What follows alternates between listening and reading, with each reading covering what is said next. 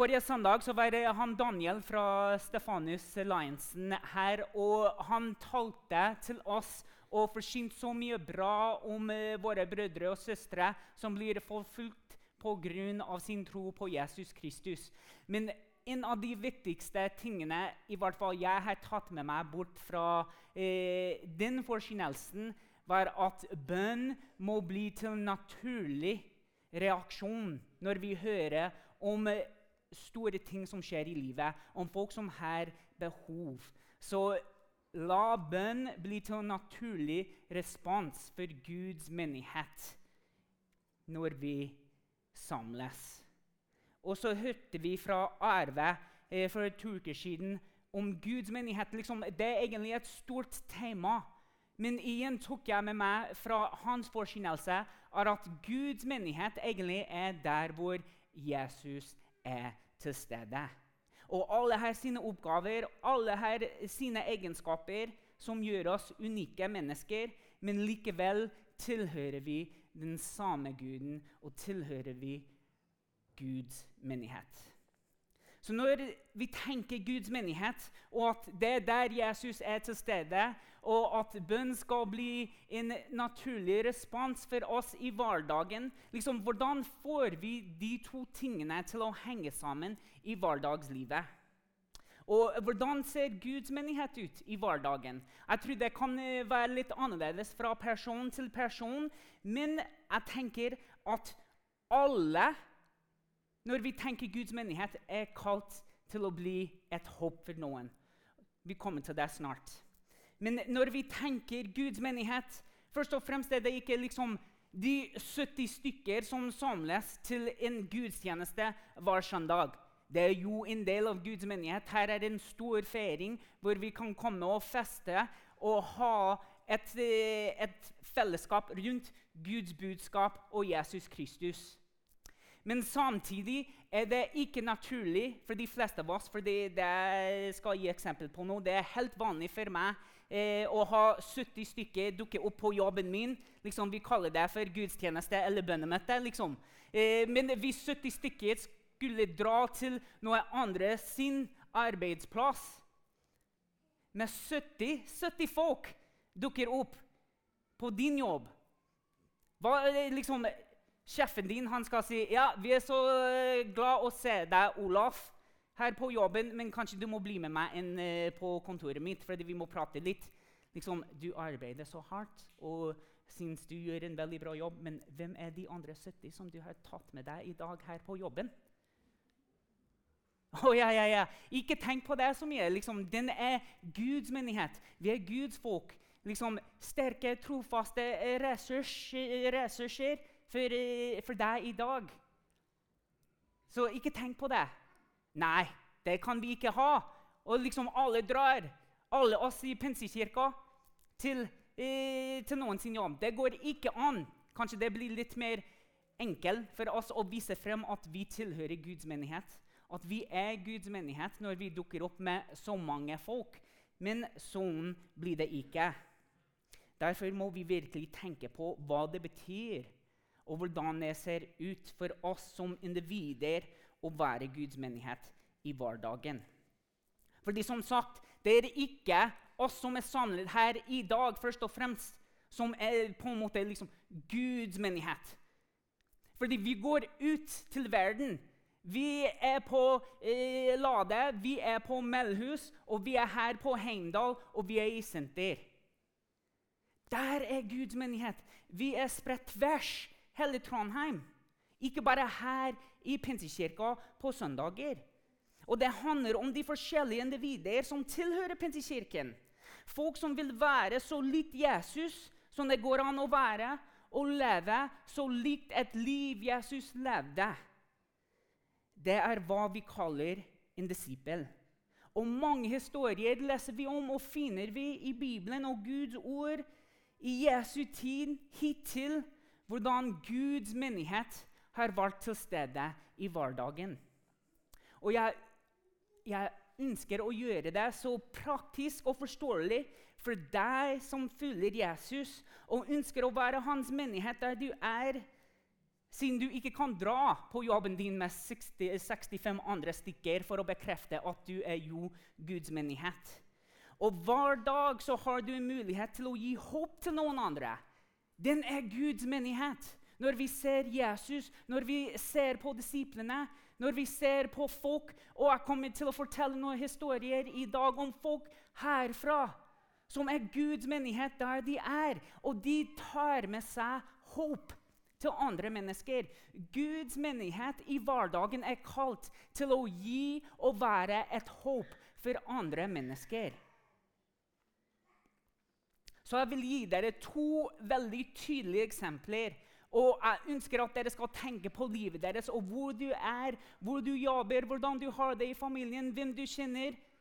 Og fokusere på hvordan kunne jeg bruke mine gaver, mine ressurser, for å gi og være et håp for noen andre i løpet av ikke bare advent, men gjennom hele året. Så det var en mann som er ca. 70 år. Og han ble kjent med noen fra Pensekirka. Og de begynner å utvikle et forhold med hverandre over flere, flere uker, flere måneder, ca. et år nå, egentlig. Og de sitter og de prater, og han fra Pekka han hører at uh, den 70-åringen skal liksom ha en operasjon.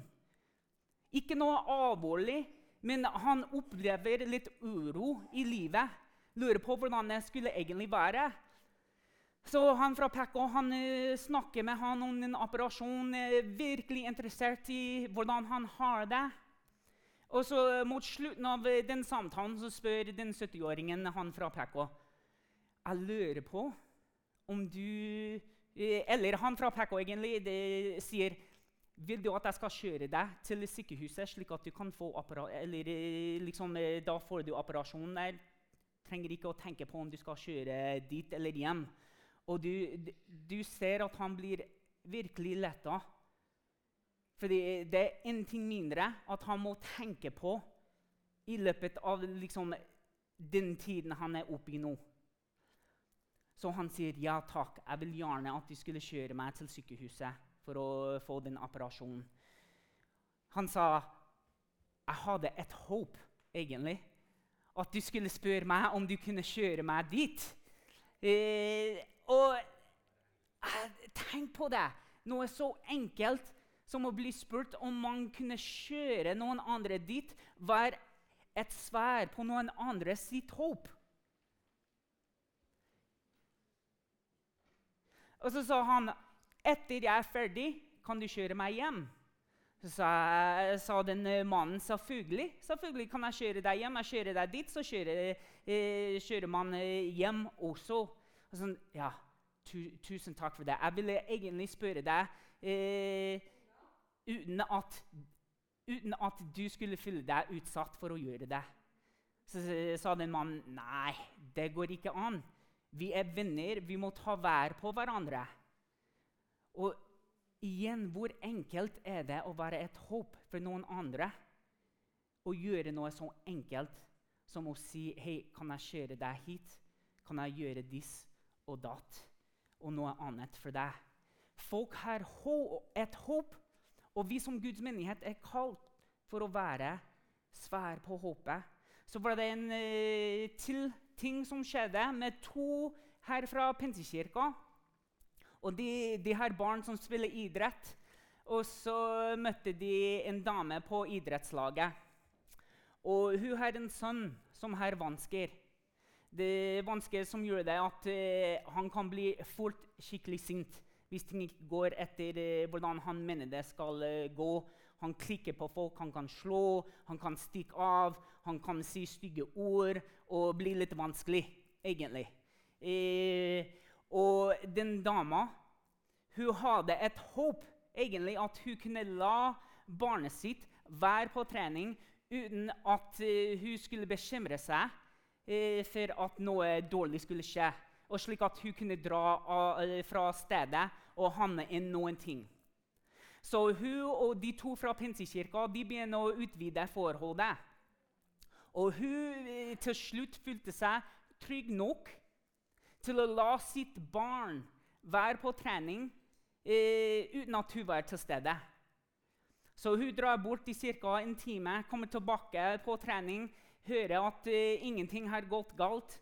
Og så etter treningen er ferdig, eh, sier hun til de to menn Kan jeg bare si noe til dere? Og så sier hun i løpet av åtte år har jeg aldri turt å la sønnen min være med noe fremmede. Fordi jeg var alltid redd at uh, de kunne ikke ta vær på ham og behandle ham på den måten som jeg mener han skulle bli behandlet. Men i dag har dere Seriøst nå, eh, sa hun dette. I dag har dere vært svar på det håpet jeg hadde. Jeg ser hvordan dere møter barnet mitt. Og jeg vet ikke, fordi Hun viste at de to gikk i menigheten og var troende. Hun sa jeg vet ikke om det er troen deres eller hva det er. Men dere er så hyggelige, snille folk. Tusen takk for at dere gjorde det her for mitt barn. Igjen, her er det ikke liksom store ting som skjedde. Bare noen mennesker som lever hverdagen så tett med Jesus de kan. Og så møtte de folk med godhet ikke sin egen godhet, men den godheten som Jesus har plassert i oss, som han har møtt oss med. Han ønsker at vi skal møte vår verden på samme måten. Så spørsmålet er hvor er du i livet ditt? Hvor er du i hverdagen? Hvem går du sammen med? Fordi når du åpner deg opp til å være et håp. Når du skjønner at du som lever med Jesus, er et håp for verden, liksom den verden som er nærmest deg, da begynner du å se mange muligheter for å snakke inn i andre sitt liv. Kanskje det med ord. Kanskje du får mulighet til å kjøre noe til en plass. Kanskje du får muligheten til å be for noen andre. Kanskje du får uh, muligheten til å stille opp og ta vær på noen andre sitt barn. Du er kalt til å være et håp der du er. Og hver bra historie har en bakgrunn. De to eh, historiene som jeg har delt nå, hadde bakgrunn i et håp en person hadde. Og de historiene de er så viktige fordi bakgrunnen gir kontekst for hovedhistorien og hjelper oss til å forstå hvordan de ulike delene henger sammen. Så når vi tenker på Guds ord og alle de historiene som vi kan lese om og Det er så viktig for oss å huske på at de leder til den hovedhistorien om Jesus. Alt vi leser i Det gamle testamentet, det peker oss mot hovedhistorien, som er Jesu fødsel, som er Jesu liv, Jesu korsfestelse, Jesu oppstandelse. Det gir oss håp. Hver eneste av de tingene som tilhører å fylle med Jesus, har han overgitt til oss, og de bærer med seg et håp. Alle håper på noe flere ganger i løpet av dette livet. Fra når vi er småbarn, så har vi et håp på noe. Kanskje det er en sykkel, kanskje det er helgen. Vi håper på helgen, eller hva enn det er. Ungdommer, unge voksne, voksne. Vi har et håp i dette livet. Jeg vil tro at man sitter her i dag med et håp at noe skal skje i livet ditt. Hva det er, det vet jeg ikke. Men Gud vet det.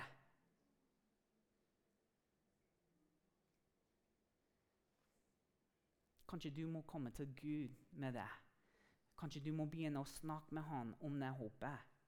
Og Noen ganger å få å leve med håp kan være vanskelig og ubehagelig, fordi ting er ikke lett. Når vi får et håp, når vi går sammen med Jesus, betyr ikke at livet blir enkelt og lett.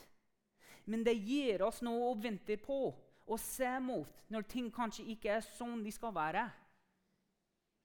Som vi kjenner til historien helt siden Edens hage, der Adam og Eve synder første gang, har mennesket vært plaget med natur som fører oss mot synd. Og det gjør det slik at vi trenger Guds nåde for å bli frigjort av syndens makt og straff. Og allerede fra menneskets opprinnelse ser vi et behov for et stort håp. Og vi leser i 1. Mosebok 12-4. Herren sa til Abraham senere Abraham. Dra bort fra landet ditt og fra slekten din og fra farshuset ditt til det landet som jeg skal vise deg. Jeg vil gjøre deg til et stort folk. Jeg vil velsigne deg og gjøre navnet ditt stort. Du skal bli til velsignelse. Jeg vil velsigne dem som velsigner deg. Men den som forbanner deg, skal jeg forbanne. I, dag, I deg skal alle slekter på jorden velsignes. Så dro Abraham slik Herren hadde sagt ham, og Lot dro sammen med ham. Abraham var 75 år gammel da han brøt opp fra Haran. Gud gir et løfte og et håp om fremtiden til Abraham. Det er et løfte om Israels framtid og til sitt folk. Tenk, 75 år får Abraham et løfte. At han skal bli til en velsignelse. Han skal bli et håp for fremtidens nasjon, for fremtidens folk. Og han brøt seg opp, og så går. Han tenker ikke 'Nei, for gammel, det kan jeg ikke gjøre.' 'Jeg har så mye som er her. Livet mitt er etablert her.' Det får jeg ikke til. Og Noen ganger er det sånn med oss at vi tenker nei, jeg har det så bra. Liksom, hvordan skal jeg bli til en velsignelse for noen andre? Jeg har mine egne problemer, utfordringer. Livet mitt er etablert her. Hva skal jeg gjøre?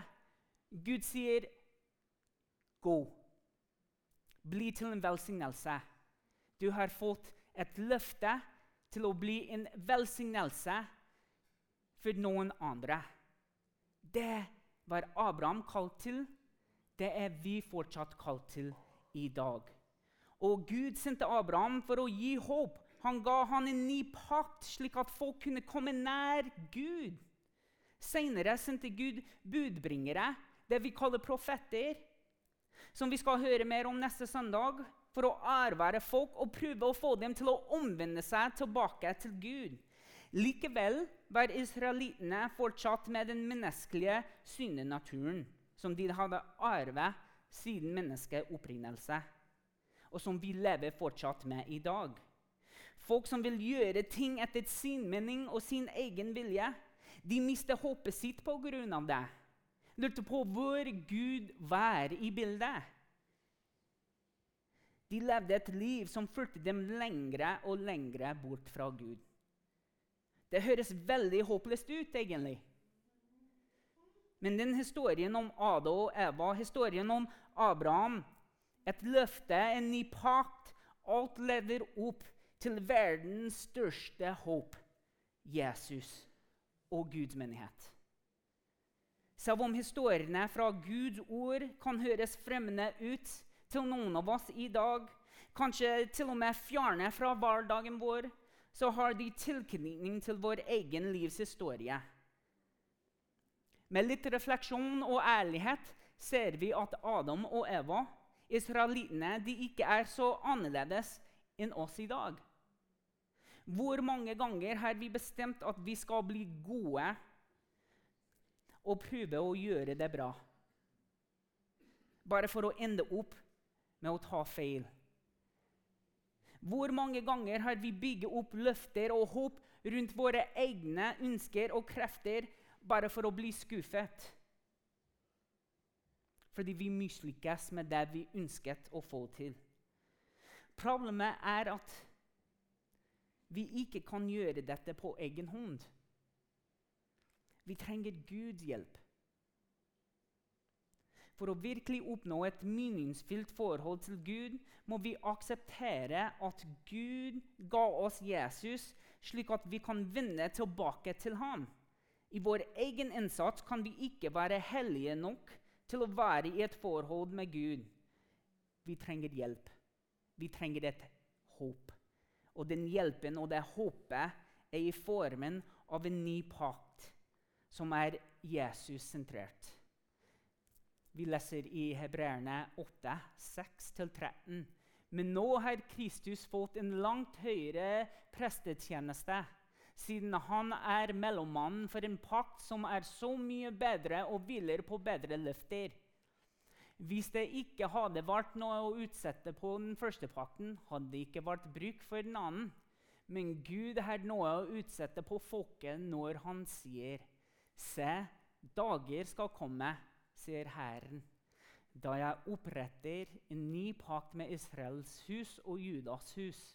Ikke som den pakten jeg sluttet med eh, fedrene deres den dagen jeg tok dem i hånden og førte dem ut av Egypt.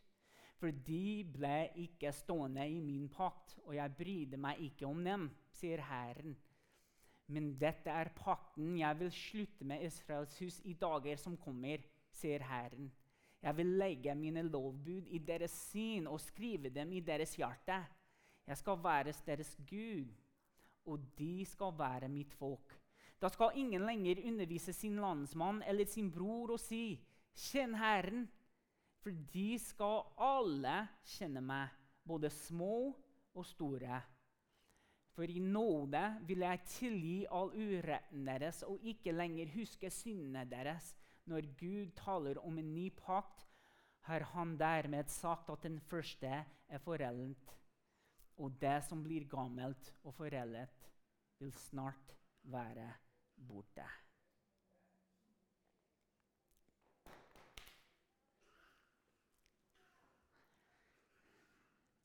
trenger ikke å si til folk lenger Kjenn Herren. Du må kjenne Herren. Du må det her. Gud har allerede sagt at i Jesus kjenner vi Han. I det håpet Han har gitt oss i Jesus, har vi møtt Gud. Vi har fått et bilde av hvem Han er. Og den måten at vi kommer i det forholdet, er å ta imot Jesus og ta imot håpet i livet vårt. Det første lyset er et tegn for verdens håp. Der møter vi Jesus. Det gamle vi leser om, det er borte at vi må oppføre oss på den reneste, beste måten mulig for å være i Guds nærheten, det er borte. Ikke misforstå meg. Vi må fortsette eh, liksom jage etter det reneste og beste livet. Men ikke av våre egne krefter. Men det er basert på hva Jesus har allerede gjort for oss. Guds menighet i hverdag er å være et håp til de håpløse. Ikke fordi vi er fantastiske mennesker som har et perfekt liv og svar på alt. Vi kan være et håp fordi vi kjenner til Jesus, han som selv er verdens håp. Han som selv er perfekt og kan gi svar i tiden når livet er uklart. I Det gamle testamentet så var folk ganske uklart om hva skulle skje i fremtiden. Hvordan det skulle se ut. Hvordan de skulle oppleve Gud igjen. Så da begynte de å finne på andre ting som skulle fylle dem opp, gi dem glede. Det beundrer meg hvordan verden i dag kan tenke at Guds ord og Guds folk, Guds menighet, er utdatert når vi gjør akkurat det samme. Ting er så uklart for oss i dag. Vi vet ikke hva vi skal, hvor vi skal, med hvem vi skal. Og så begynner vi å fylle oss opp med andre ting som vi tror og mener gir oss glede. Men egentlig fører, oss, eh, fører det oss lengre og lengre fra Gud. Vi er et folk. Vi er mennesker som har et behov for et håp som er større enn oss. Det håpet fins bare i Jesus Kristus. Her starter vi med den første søndag i advent, hvor det anerkjenner og ønsker velkommen Guds ankomst og håp til verden. Amen. Amen.